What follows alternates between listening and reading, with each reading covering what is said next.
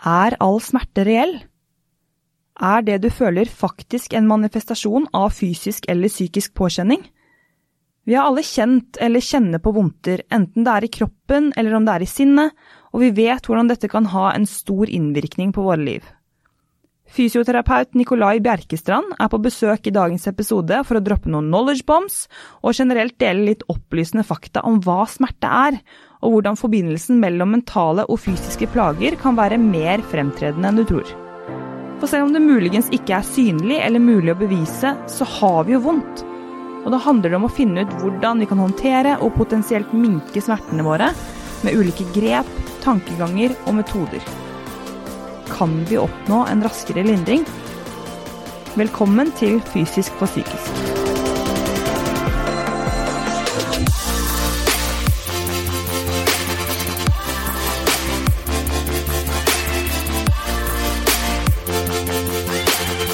Jeg er så heldig å ha med meg tights.no på laget, som gir meg muligheten til å faktisk kunne lage denne podkasten, og det er jeg så utrolig glad for.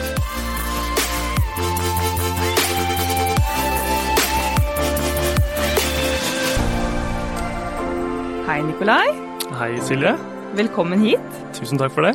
Veldig bra at du fikk satt av litt tid i din ellers eh, hektiske hverdag, som jeg har eh, skjønt, du som faktisk får praktisere. Ja, nå er det, nå er det hektisk, altså. Ja. Eh, denne uka her er faktisk litt roligere enn vanlig pga. dette mutasjonsviruset. Men ja. det, er, det, er, mye å gjøre nå. Ja, fordi du er jo fysioterapeut. Det stemmer. På Apex-klinikken. Mm -hmm. Yes, og der får dere jo praktisere, heldige som dere er. Ja. Og kan, kan du komme inn på hvorfor, eh, hvorfor, jeg har bedt deg inn her i dag, da, og ja. hvordan jeg kom inn på det. fordi eh, det er jo det vi har lyst til å snakke om i denne episoden. Mm. Og det er jo at jeg, jeg kommer jo til deg, jeg jo, eh, er jo hos dere og har en, et samarbeid med dere for å kunne jobbe med mine plager, og, og om jeg får skader eller hva det måtte være, så mm. har jeg jo dere, og dere føler jo dere er best, da. Så da ønsket jeg å ta kontakt med dere, i og med at jeg har eh, nylig opplevd å være gjennom eh, eh ja, en ganske tung periode pga. En skade. Mm. Um, og det var da før nyttår. Uh, og jeg kom jo til deg etter at uh, den verste perioden var over. Ja. Uh, psykisk, da, og fysisk. Men men eh, vi har jo lyst til å gå litt inn på dette med da hvordan, hvordan denne ø, fysiske skaden påvirket meg psykisk, mm. og også kanskje hvordan, ø, hvordan da igjen ø, forbindelsen mellom det psykiske og det fysiske eh, spiller inn da, mm. på helsa generelt. Altså hvordan de påvirker hverandre. Det er jo utrolig interessant, og der tror jeg du kan bidra med veldig mye. Får håpe det. Ja. Det er i hvert fall et utrolig bredt uh, tema ja. som man kan prate om i evigheter. Så vi får mm. prøve å holde oss til litt overflaten på det, og, ja. og se hvor langt vi kommer. Ja, fordi eh, når det kommer til smerte, da, så er mm. jo det noe du sikkert eh, opplever, og altså, det er jo det du jobber med. Du prøver jo å gå at folk skal ha mindre smerter. Mm. Uh, men er det, er det en måte du føler at vi kan definere smerte på? Oi, uh, definere er vanskelig å si, men uh, definisjon, definisjon, på smerte er jo en, er en veldig subjektiv opplevelse, da. Mm. Og, og, smerte er egentlig en illusjon, høres rart ut, men den er alltid reell, da. Det jeg mener med det, er at uansett du, hvordan du opplever smerte, så er den der. Det er ikke noe du innbiller deg. Du er ikke psykisk syk eller ustabil når du kjenner at 'hvorfor har jeg vondt nå', det er ingenting gærent med meg. Så smerte er ekstremt subjektivt, eh, og det er din smerte, ingen andres smerte. Mm. Eh, så smerte er ekstremt kontekstbasert.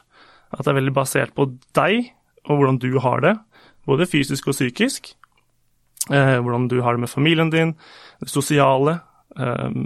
Så det er ekstremt mye omstendigheter rundt da, som har noe å si på din smerte. Det er ikke mm. bare at du har vondt i armen. Ofte kan det være mer enn det. Da. Så, så smerte er vanskelig å forklare til noen. Mm.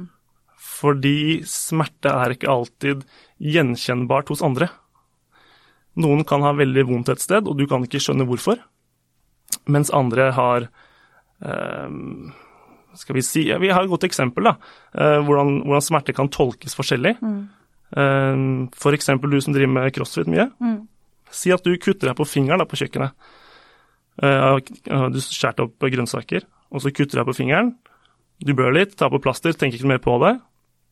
Dagen etter så snatcher du 70 kilo over hodet, mm. og du bruker fingeren og hendene dine mye, men du tenker ikke noe over det såret. Det er, det er, det er ikke noe problem for deg. Men hvis du, en, hvis du er en pianist, da, hvor du bruker fingrene veldig aktivt, så kan det såret være så plagsomt, siden du bruker fingrene spesifikt til å spille, at det plager deg både fysisk og psykisk. Mm. Og den oppleves, den fingeren oppleves mye vondere enn det egentlig er. da. Eller ikke egentlig er, men det er alltid reelt og vondt for den personen. Så for deg er et, et kutt i fingeren helt uproblematisk, men for en pianist så kan det være utrolig krevsomt. da. Ja. Så alle vet da at et kutt i fingeren ikke er noe alvorlig, men det kan tolkes forskjellig i ulike kontekster. da. Ja. Og der tror jeg smerte er veldig viktig å respektere. Mm. For det oppleves forskjellig fra person til person, uansett hvilken situasjon du er i. Mm. for det, det, yrket vi jobber i, ikke sant, det har jo uh, mye med, uh, med dette å, å, tåle smerte og det å forstå smerte, mm. ikke sant. Uh, og det er jo smerter og hvordan folk kommer inn med ulike uh, ulike plager også ellers i livet, som kanskje ikke har noe med fysiske plager å gjøre, eller fysiske smerter i, Altså helt sånn mm. uh, grunnleggende, så, så, er jo det noe vi må ta hensyn til. Ja. Føler du at, eh, at det er noe du, du, merker med dine kunder, sånn på mennesker generelt, da? At at eh, du kanskje må prøve å finne ut om det er en annen belastning eller en annen eh, plage som eh, Veldig godt spørsmål. Mm. Um, på, på, studiet så lærte vi noe som heter en modell, da, som heter den biopsykososiale modellen. Den er delt inn i tre deler. Det er den biologiske, eller den fysiske delen av deg. Og så er det den psykologiske delen av deg, eller kognitive. Og det sosiale. Og det skal på en måte være en sånn tre knagger da, som du kan henge opp fakta du får fra pasienten på. Da. Mm. Og det bør være inkludert i en undersøkelse eller en, i et samarbeid med pasienten. Da. Det er ikke bare det fysiske. Vi må se på det psykiske, og vi må se på det sosiale. Så det er absolutt en stor sammenheng, og det varierer ekstremt fra person til person. Um, man må De fleste kommer inn med en kall en biologisk eller en fysisk plage. Men ofte så er det en uh, uforståelig grunn på hvorfor man har vondt. Man har ikke falt, man har ikke strukket noe, man har ikke uh, hatt en akutt traume da, på muskelen, muskelen, eller ledd, men man har vondt i kroppen uten at man vet hvorfor. Uh, og det ser vi nå på folk som har hjemmekontor, f.eks. Uh, etter sommeren så har det eksplodert med pasienter som har vondt i nakken, vondt i skulderen, vondt i ryggen, vondt i hodet. Mm men de har ikke slått skulderen sin. De har ikke vrikket nakken eller sovet dårlig med hodet. Eh, de har bare vondt i kroppen. Og de vet liksom ikke hvor de skal begynne hen. Mm. Eh, så, så, disse eller de som sender ut forsikringspasienter til oss, de skriver eh, pasientens navn, og så står det plager, nakke, rygg, skulder. Altså, det står på en måte ja. Så hvor skal man begynne, da? Ja. Så, så, det er en vanskelig oppgave for oss også. Men vi skjønner at folk har mer enn bare fysisk vondt, da. Eh, hjemmekontor er et godt eksempel. Et veldig godt eksempel, fordi folk trives ikke med det. Folk syns det er vanskelig. Mm. Folk er ensomme. Folk er usikre på framtiden. Eh, rastløse. Og det er psykiske og kognitive ting som manifesterer seg i kroppen. Så det mentale og det psykiske og det fysiske er jo vevd inn sammen. Så for noen av dem så får de fysiske plager av disse tankene, kjedsomheten, eh, det kjedelige ved hverdagen. Det fester seg i kroppen, og man kan ikke si akkurat hvor det fester seg. Eh, men for de fleste så er det nakke, skuldre, og selvfølgelig har det fysiske noe å si. ikke sant? Du sitter foroverbøyd mot en PC, så vil det ha noe å si for nakken og skulderen din. Men det er mange som bare har vondt i kroppen, og de lurer på hvorfor. Ja. Um, og de blir bekymret. Mm. De skjønner ikke hvorfor. Er det noe gærent med meg? Er det noe jeg innbiller meg? Uh, hvorfor har jeg vondt, da? å svare på det til dem er jo veldig vanskelig, for jeg vet jo ikke selv. Men da må man se på totalpakken i livet deres, da. Hva gjør du nå? Hvorfor tror du at du har vondt? Eh, hva kan være årsakene? Hvordan er det med familien din, samboer, barn, stress, søvn, kosthold? fysiske, ergonomiske sittestillinger. Altså alt da, innenfor denne biopsykososiale modellen som jeg nevnte i stad. Åh, oh, dette her syns jeg er så sinnssykt interessant. Eh, fordi dette her er jo eh, sånn jeg eh, du, du, setter så gode ord på det, fordi at det er jo, har veldig mye å si. Og jeg selv har jo kjent på det veldig mye gjennom livet. Mm. Det å uh, At det, det fysiske det vil bli påvirket av det psykiske ja. på en eller annen måte. Mm. Eh, men jeg tror veldig mange de er ikke bevisst på det. Eller de vet ikke eh, hvorfor de har vondt, som du sier. Ja. Og da tenker jeg jo at ja, men altså, hvis de bare får en anerkjennelse av at eh, ja, men vet du hva, det her er, det er smertefullt. Mm. Jeg husker jeg hadde en, en samtale med en venninne for en god stund siden, og da snakket vi om dette med Altså hvorfor vi gråter. Mm. Det er jo litt det samme. litt den der, ja, men Hvorfor gråter du når, du når du får vondt? Altså når noe treffer deg? Altså, jeg tror ikke det Egentlig så er det følelser. Så det er et eller annet som skjer i deg. Du trenger jo egentlig ikke å gråte, men du gråter fordi Hvorfor gråter vi? ikke sant? Ja, men, ja, men det, er, det, er, litt sånn, Og da begynte jeg å tenke herregud, dette her er et sånt spørsmål som jeg sitter og bare uh, mm. uh, Ja, det, jeg kan sitte og, og, fundere på det i sikkert uh, ja, veldig lang tid, i hvert fall. men, men det, det, var et så Det perspektivet på det, begynte jeg å tenke hjelp. Ja, noen ganger så slår jeg meg, og så begynner jeg å gråte. Mm.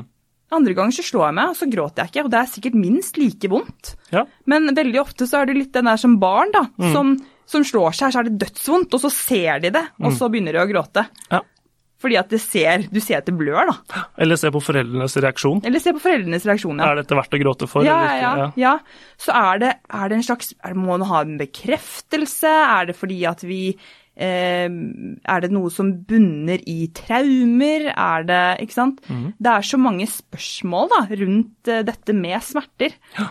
Og derfor er det så interessant det du sier med disse knaggene, at det virker som at hvis det er én av disse man ikke tar hensyn til, eller hvis ikke alle, alt er hengt opp på mm. plass, mm. mm. så er det Så, så utarter det seg i smerte eller vondt, da.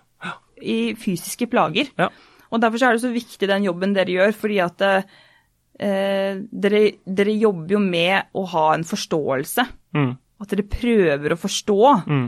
Og det er jo ikke, jobben handler jo ikke bare om å liksom Ja, la oss knekke litt opp, og så håper jeg, da. Kanskje for nei, noen. Nei, nei, nei. men, eh, men det, er jo, det, er jo, det derfor jeg syns at Apex-klinikken er så bra, fordi at dere, dere møter mennesket. Mm. Og den jobben vi gjør, vi jobber jo med mennesker, men så det, har du jo den siden av det hvor du har mennesker som bare ja, kom inn, så knekker vi opp i nakken, så knekker vi opp der. Så vet egentlig ikke ja. eh, personen som ligger der hvorfor de gjør det de gjør. De bare tenker at ok, nå har vi frigitt litt av den smerten. Mm. Men er det noe du, eh, vil, du gjør eh, pasienten din bevisst på? At dette kan være noe mm.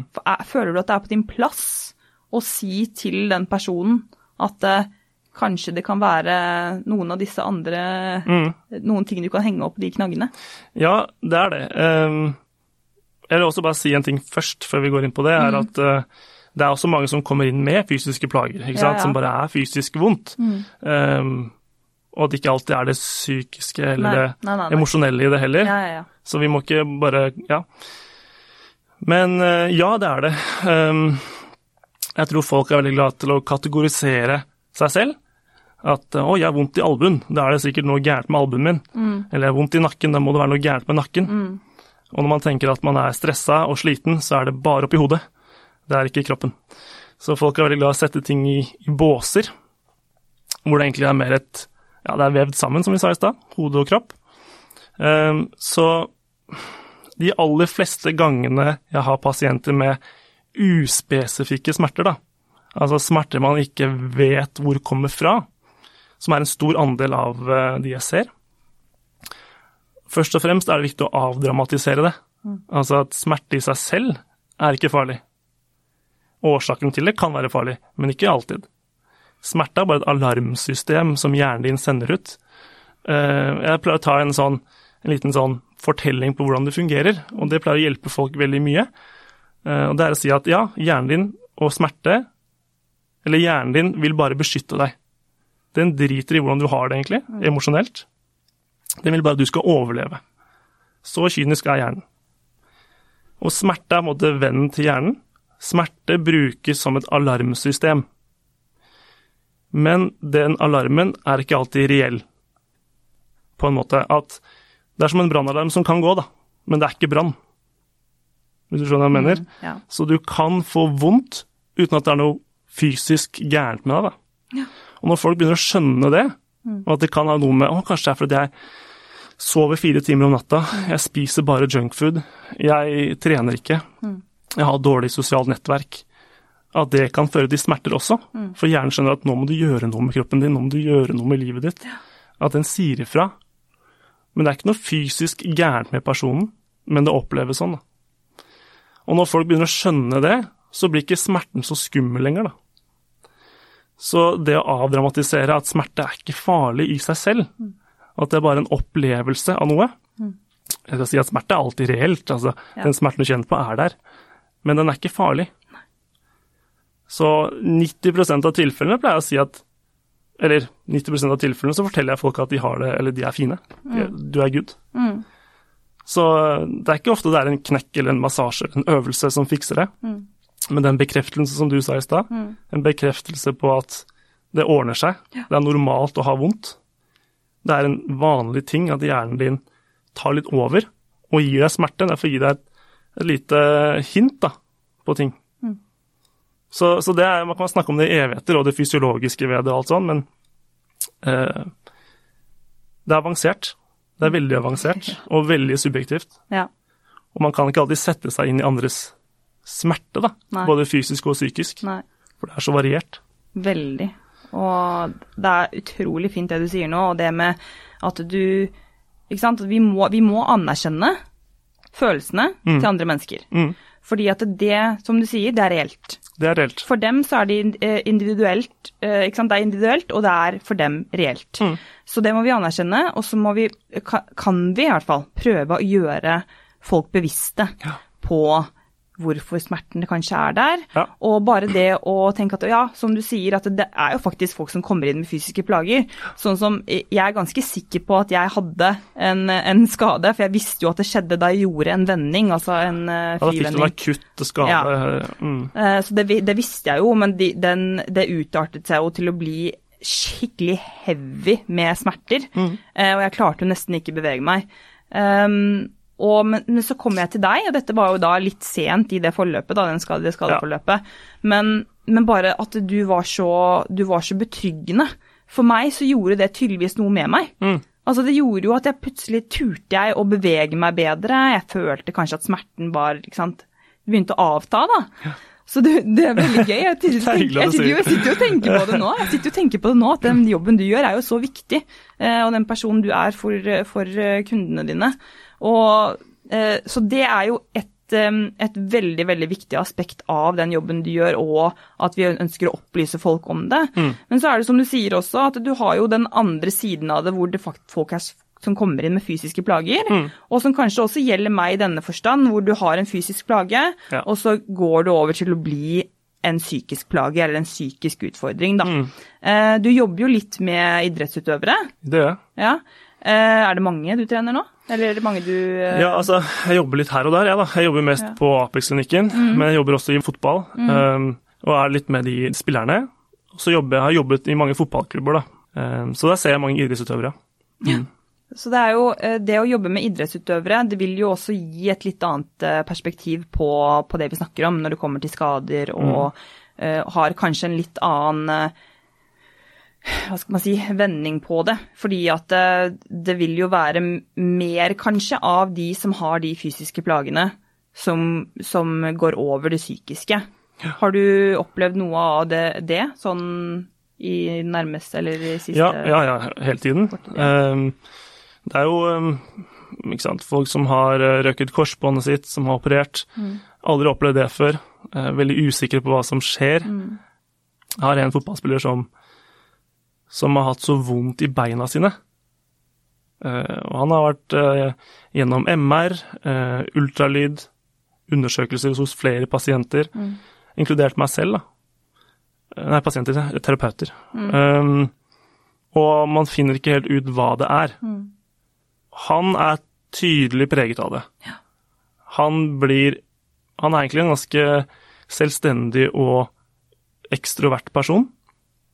Men nå, nå har jeg, eller ikke nå, men tidligere måneder når jeg har jobbet med han, sett at eh, det går inn på han, og han blir introvert. Og han begynner å kjenne mer etter, og smertene øker. Ja. Eh, Vi finner Det er ingenting påvist på ultralyd eller MR, Mm. eller undersøkelser. Og han blir så, han blir så bekymret, for han tror det er noe alvorlig gærent med han. For han, han finner ikke ut hva det er. Han har ikke noe håndfast. Hva er dette for noe? Eh, og så må han begynne å se ut av boksen. Hva, hvordan er livet ditt da, ellers? Eh, som vi snakket om i stad, vi vet at smerte kan manifestere seg i kroppen på ja, av psykiske plager. Og usikkerhet og uvisshet. Mm. Og vi begynner å ta tak i de tingene der, og, og se på det. Og at han har hatt mye angst opp igjennom som barn. Eh, overtenking. Tidligere har han sagt at han har overdrevet ting. Han er livredd for å stå foran folk. Men på fotballbanen så føler han seg fri. Eh, det er hans fristed, men nå føler han ikke at det er et fristed lenger, siden han får vondt. Så han føler seg veldig fanget. Um, han er på bedringens vei. Vi fant ut det var feiltrening eller overtrening over tid. ja. Og det er jo en fysisk, uh, Det er fysisk plage. fysisk plage, Mm. men um, det er at kroppen hans sier stopp da, når du har gjort for mye, og at han tåler ingenting av trening. Så vanligvis har han trent fem, seks, syv ganger i uken, hardt, men nå er det sånn at han trener 20 minutter, så føles det bare tungt. Eh, og han visste ikke hva det var, og nå har vi på en måte fått en slags, slags diagnose på det. Og med en gang han fikk den diagnosen, selv om han Fysiologisk kan man ikke si at det er en diagnose heller, men det er veldig uspesifikt. Så bare ah, takk, det var som at det var 20 kilo som falt av skuldrene mine. Nå veit jeg litt hva det er, nå kan jeg bygge meg rolig opp, nå har jeg en plan på ting. Mm. Eh, men jeg lå veldig merke til hvordan han ble preget av dette her, Ja. eh, og ble en helt annen person nesten. Ja. Han ble på en måte ikke en fotballspiller som jeg ser på som en sosial gutt, men en type som som var redd for kroppen sin, nesten. Mm. Han spurte meg om ting hele tiden, ringte meg, sendte meldinger. Hvis jeg gjør sånn og sånn, er det farlig? Kan det være sånn og sånn? Kanskje jeg har kreft? Kanskje jeg har Ja. Ikke sant? Ja. Jeg har lest at det er en 16-åring i Stabekk som hadde kreft, og sånne ting. Ja. Og det bare baller på seg, da. Mm. Jeg vet ikke hvor vi havna hen, men uh, Nei, men Det- uansett, det er jo kjempe... Altså, ikke sant, det med idrettsutøvere, da, det er jo et eh, veldig viktig fordi de identifiserer seg veldig med den idretten de gjør. nettopp. Og derfor så vil det påvirke, altså den forbindelsen mellom det fysiske og psykiske vil kanskje være enda tettere. Mm. Um, det, men det er det også veldig veldig mange sånn generelt som, som gjør. Trenger ikke være toppidrettsutøvere heller, eller idrettsutøvere. Det Nei. kan være bare mennesker som, som du sier, kanskje har bare begynt å forbinde trening med som en del, som en del av sin identitet. Da. Ja. Mm. Fordi at det, har jo blitt veldig vanlig, eller vanlig sier jeg i gåsetegn, å overdrive den treningen. Eh, og litt tilbake på det innledningsvis jeg sa når det kommer til eh, eh, skaden jeg opplevde før nyttår, og, og den mentale reisen jeg, reisen, eh, jeg måtte ta, Mm. eh, så var jo det litt sånn eh, Altså, det er jo det er, så, det er så krevende. Det er utrolig krevende, men det, det handler jo om at ok, du, du står der, og så får du, blir du på en måte strippet fra det som du Ja. ønsker å gjøre mest, da. Og da måtte jeg stille meg selv det spørsmålet, men hvorfor trener du? Mm.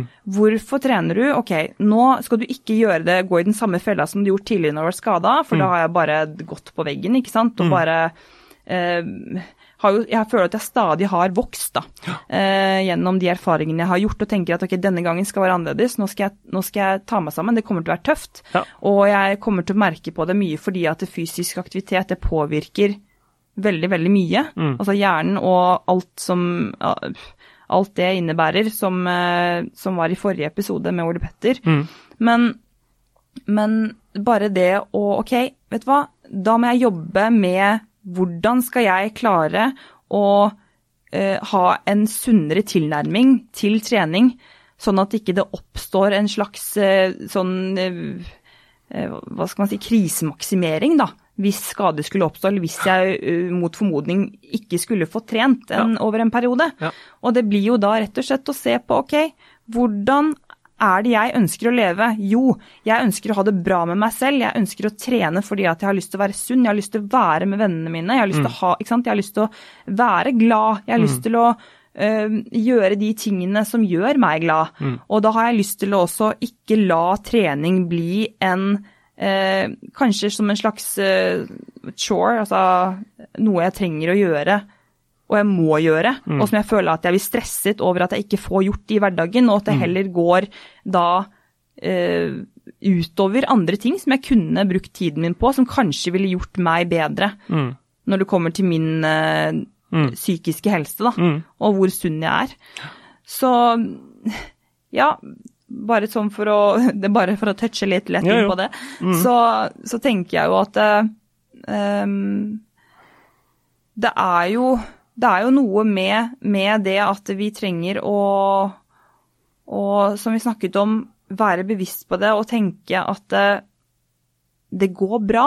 Mm. Men det er jo litt det der med overdrivelse og underdrivelse av trening, at det er litt sånn øh, hva, hva, hva, er ditt ståsted der når du kommer til liksom, For vi vil, jo, vi vil jo trene. Jeg vet at du kan øh, Du trener jo. Du har jo trent litt crossfit også ja, ja. da det var åpent, vet jeg. Um, så hva har du noen Altså, du jobber jo mye med toppidrettsutøvere, og du jobber med vanlige mennesker. Mm. Uh, men hva er, det, hva er, det, du føler at du ser mest av? Fordi jeg følte jo at jeg overdrev det uh, til en viss grad. Treningen? Blir, ja, treningen. Ja. Ikke sant? Mm. Uh, at det blir en sånn um, en overdrivelse av, av, det, fordi at du gjør det en så stor del av din identitet, da. Ja, det er veldig, det er veldig bra tanker der, altså. Um, det, man tenker, det er så lett å si Helsedirektoratet sier at du skal gjøre sånn og sånn, du skal trene så mye for du skal mm. være sunn. Det er veldig bra for den mentale helsen din mm. å trene. Mm. Og det, det, vet jeg at det er. Uh, men når trening blir såpass viktig og alvorlig for noen at når du ikke får trent, så kjenner du på avhengigheten av å trene. Og da er spørsmålet er det så sunt det å trene så aktivt og intenst da, hvis du skjønner hva jeg mener? At, eh, at, trening blir så viktig for deg at du ikke klarer å slippe det. Når kroppen din sier at 'jeg trenger hvile, jeg er skadet', eh, trekke deg litt unna. Det, da går det på en måte litt andre veien igjen, at, at, trening kan bli psykisk, et psykisk problem. Da. Og det ser vi jo hos folk som har overtrent, trent med skader eh, over tid at de har så lyst til å trene, og de klarer ikke å identifisere seg selv uten trening. Mm. At de pusher kroppen sin så langt at til slutt så sier den stopp. Ja. I form av eh, det systemiske, at kroppen bare skjøtter ned. Mm. Eller av en, av en, spesifikk skade. En skulderskade, en korsryggskade, mm. en prolaps, hva som helst. Um, så det er et veldig godt spørsmål, uh, og der kan man jo ja, dykke langt ned i. Men, uh, men, jeg tror det er viktig å, å, ta et steg tilbake som idrettsutøver, ja. eller som en veldig aktiv person. Ja. Og se på hvorfor, som du sa, da, hvorfor gjør jeg dette her? Mm. Hvorfor er det viktig for meg å trene, i bunn og grunn? Og hvis det blir en avhengighet, så er den avhengigheten det samme som å drikke eh, alkohol, på en måte også. Det er noe du vil ha for å slippe litt unna, eller for du føler deg bra når du gjør det. Mm. Eh, så trening skal være sunt, Heller det enn alkohol, selvfølgelig, men det skal ikke bli en avhengighetsskapende ting hvor du føler deg bare bra når du trener. Nei. Um, for da vil det gå utover andre ting senere, jeg er helt sikker på. Ja, det er, jo, det er jo, akkurat som du sier nå. Mm. Det er som å høre meg da jeg måtte liksom stille meg selv disse ja, ja. spørsmålene da jeg var skada. Fordi det jeg, tenker, det jeg umiddelbart tenkte, det var ja, nå, okay, nå er du skada. Eh, hvorfor skjedde det, først og fremst? Mm. Og det er sånn, ok, jeg kan si at det var fordi at jeg gjorde den ene klinen, og så landet den litt feil, eller hva det måtte være. Og så mm. sier jeg Silje, nå må du være ærlig med deg selv. Det er jo fordi at du har eh, veldig ofte trosset siste året, eller mm. trosset liksom hvordan du har følt det på kroppen. Ja. Du har mest sannsynlig overbelastet dette over tid, for jeg mm. vet mm. jeg har kjent på litt sånn nagging eh, her og der. Eh, så, så da, da, liksom, da, da, var det litt sånn, du står ved et veiskille, ok, hvilken vei ønsker du å ta? Ønsker du å bare eh, ta den samme veien som alltid og gå inn i de samme mønstrene, eller mm. ønsker du å gjøre noe med det og ha det bedre? Um, og selv om det er utrolig tøft der og da, så, så, gjør det jo så mye mer i det lange løp, da. Mm. Og jeg tror det er veldig Jeg tror det er veldig, veldig vanlig å uh, Ja. Å falle ganske langt ned, da. Mm. Eh, både for, eh, for, eh, idrettsutøvere og for folk som trener veldig, veldig mye. Mm. Fordi at jeg også kan kjenne meg igjen i det at man identifiserer seg med treningen. Mm. Og det gjør ingenting å være veldig opptatt av trening. Det er veldig viktig å påpeke det. At det gjør ja. ingenting for at du føler at du blir det er en slags avhengighet fordi du frigjør dopamin og sånn, så vil det jo bli det. Mm. Um, men, men det, en, en, det, skal være også en, et, en bra avhengighet. Og mm. det vil si at uh, det skal være en gode som du faktisk kan gjøre, ja. og som du er veldig heldig som får gjøre, for du får bevege kroppen din. Mm. Eh, så det er jo også et, en, en, et, fint perspektiv kanskje å sette på det, at du tenker at det, sånn som jeg følte, herregud, jeg kan trene igjen, herregud, hvor godt det er. Mm. Men det er den følelsen vi ønsker å ha, ikke at det er et sånt must, at det er en sånn mm. ja, krav. Nei, veldig bra sagt, syns jeg. Um, du har noen eksempler, da. Um, Eh, som, som folk eh, Ja. Har du, vet ikke om du har sett den Michael Jordan-serien? Jo, du har ja, sett den, ja. Yes. Han, han, er jo en idrettsutøver, kanskje en av de sykeste vi har sett noen mm, gang. Mm. Eh, fysisk ekstremt godt trent, mm. eh, psykisk ekstremt sterk. Men selv han, da, på et tidspunkt eh, hvor, hvor, alt det rundt blir så stort, han får så mye oppmerksomhet, han blir pusha så hardt, mm. han pusher seg selv så hardt, at han til slutt legger opp på, på, topp. da. Han er på sitt beste noen gang. Og han har vunnet alt, og det bare ser helt nydelig ut. Han orker ikke mer. Og det er en idrettsutøver som er kanskje tidenes idrettsutøver, da. Ja. Både fysisk og psykisk. Mm. Og det får til siste lille ekstra. Mm. Når han selv kjenner på det at 'det her orker jeg ikke mer', Nei. så må du, eller da er det viktig å tenke på at det er normalt, da. Ja. Kroppen din er, et, det er en kropp som mm. trenger andre ting også. Mm. Uh, og du ser jo de personene som, eller de idrettsutøverne som er flinke til å distansere seg vekk fra idretten, mm. ofte har en veldig uh, De får en veldig positiv psykisk gode av det, å trekke seg vekk fra det. Og jeg har også et annet eksempel, det syns jeg er Karsten Warholm, ja. som er ekstremt dyktig på det. Mm. Han virker som en vanlig kis på ja, studiet. Ja, han er så lugn og rolig. Uh, han er ekstremt dedikert. Mm. De har en helt tydelig plan på hvordan de skal bli best, han og, og treneren. Eh, de er til stede, de, er, eh, de, har en innlevelse i det daglige, men samtidig en ydmykhet og en avstand fra det hele. Du ser hvor mye de ler sammen, ja. de tuller sammen, eh, og han klarer på en måte å trekke seg helt vekk fra det. Ja og ikke være helt sånn psykisk avhengig av å trene. Fordi han vet at det vil gagne han. Nettopp. Mm. Han vet at det å trekke seg vekk og mm. ta avstand fra det han elsker mest, mm. er bra for han til å prestere på, på, på løpebanene. Ja.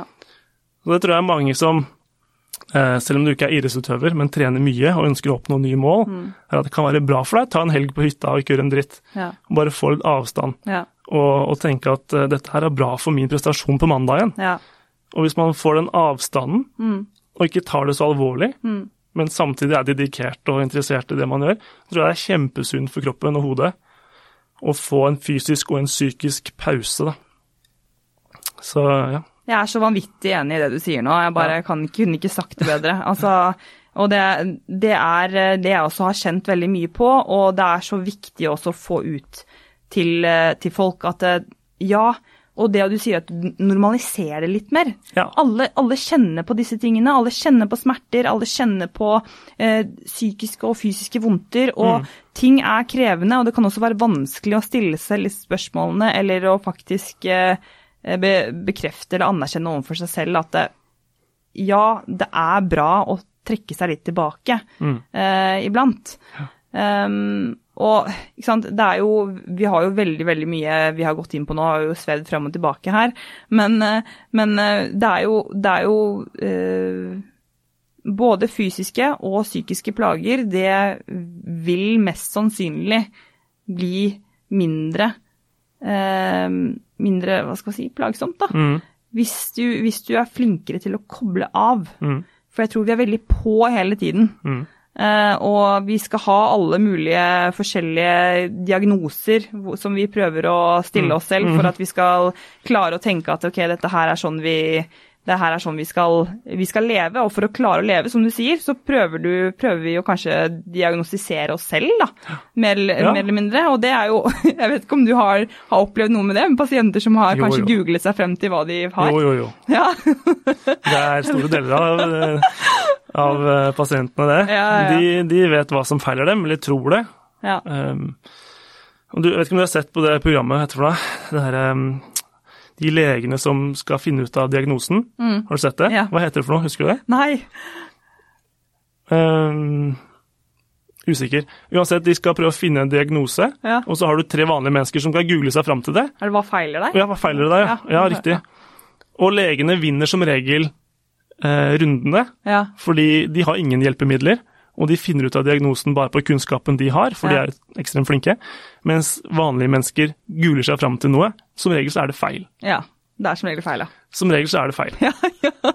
Du har jo enten kreft eller skal dø, ikke sant? Ja, det, man blir jo helt satt ut. Ja, Mm. ja. Og så kan man lese en liste med symptomer, og så kan man begynne å huke. Ja, jeg kjente på det i går, og ikke sant? Som egentlig er en vanlig ting folk har, da. Vondt Ja. i hodet eller vondt i ryggen eller Normalt, egentlig. Normalt. Ja.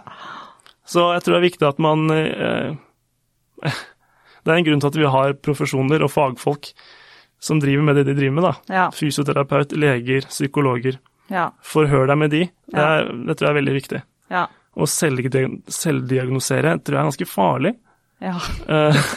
Det, det kan jeg banne på. Det er jeg farlig. gjør det sjøl òg, Ja. selv om jeg er fysioterapeut. Ja, du, du gjør det. Så man blir jo litt sånn Jeg gjorde det litt nå selv, faktisk, da jeg kjente at jeg skulle Men det var fordi at du hadde gitt meg et hint, og jeg har faktisk blitt veldig flink til det. Og ikke skulle google bare et symptom, men du sa ok, du har kanskje betennelse i ribbeina eller i brusken rundt deg, eller høres litt ut som det. Mm. Så da bare søkte jeg opp på det, bare for å sjekke om ok, kan dette kan faktisk stemme. Mm. Bare for at det skulle kanskje sude meg litt, da, ikke sant. Og det, jeg sa også til deg når du var hos meg at det kan hende det ikke er det òg. Ja.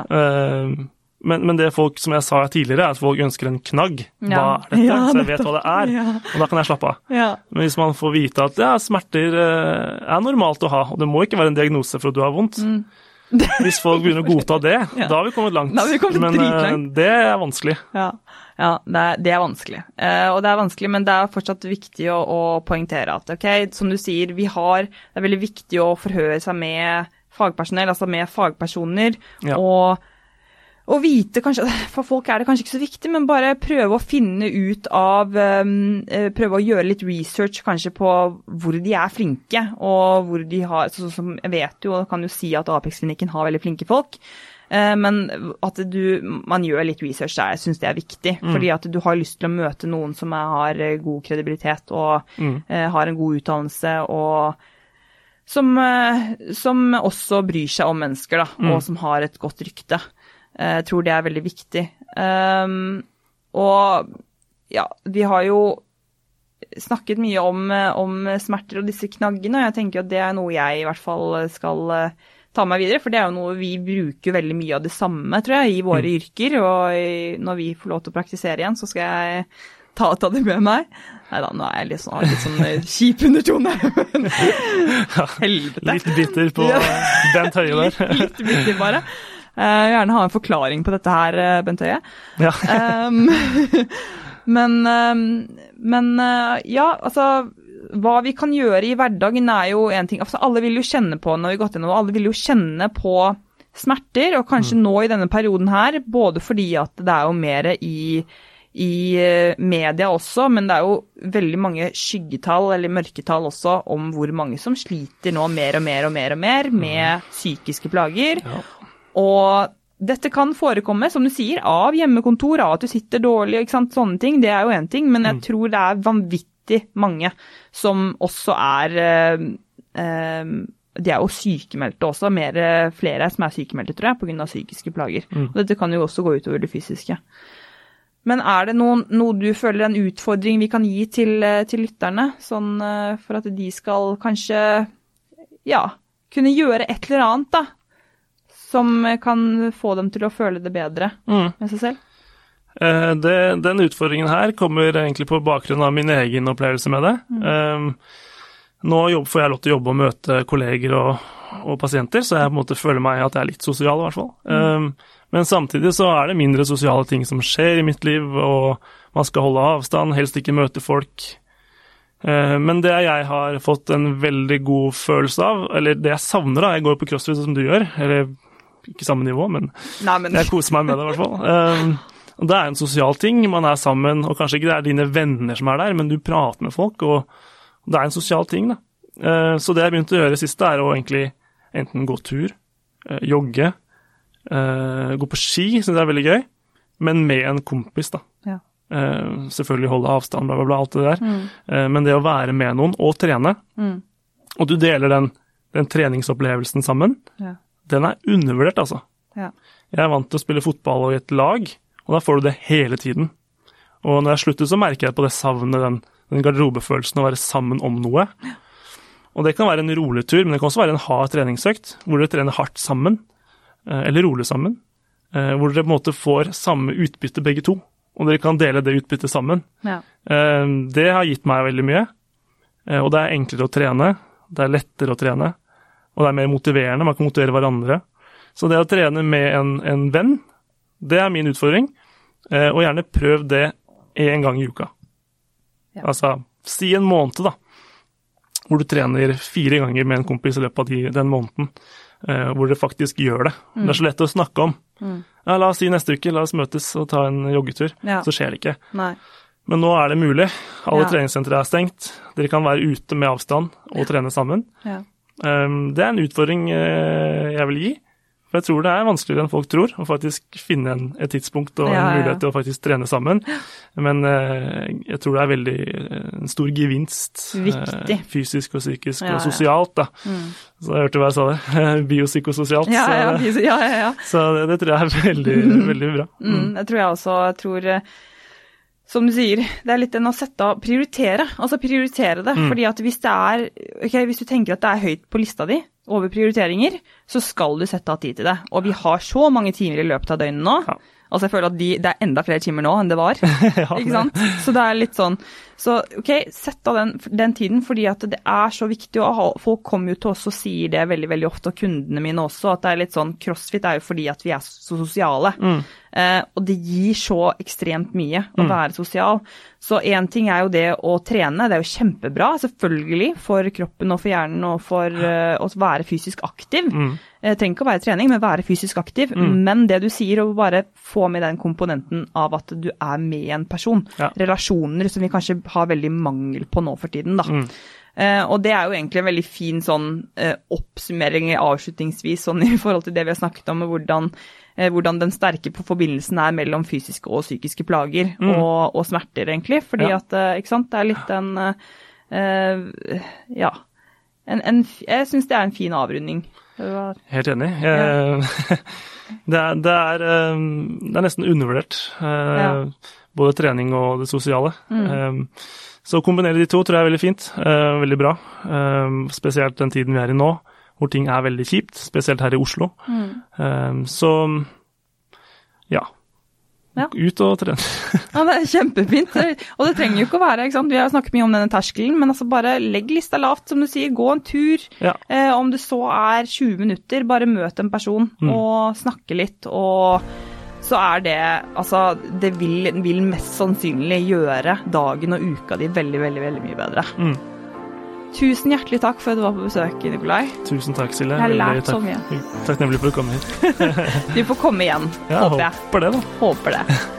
Og så må jeg bare minne dere på der hjemme at husk å være snill med deg selv. Ha det bra!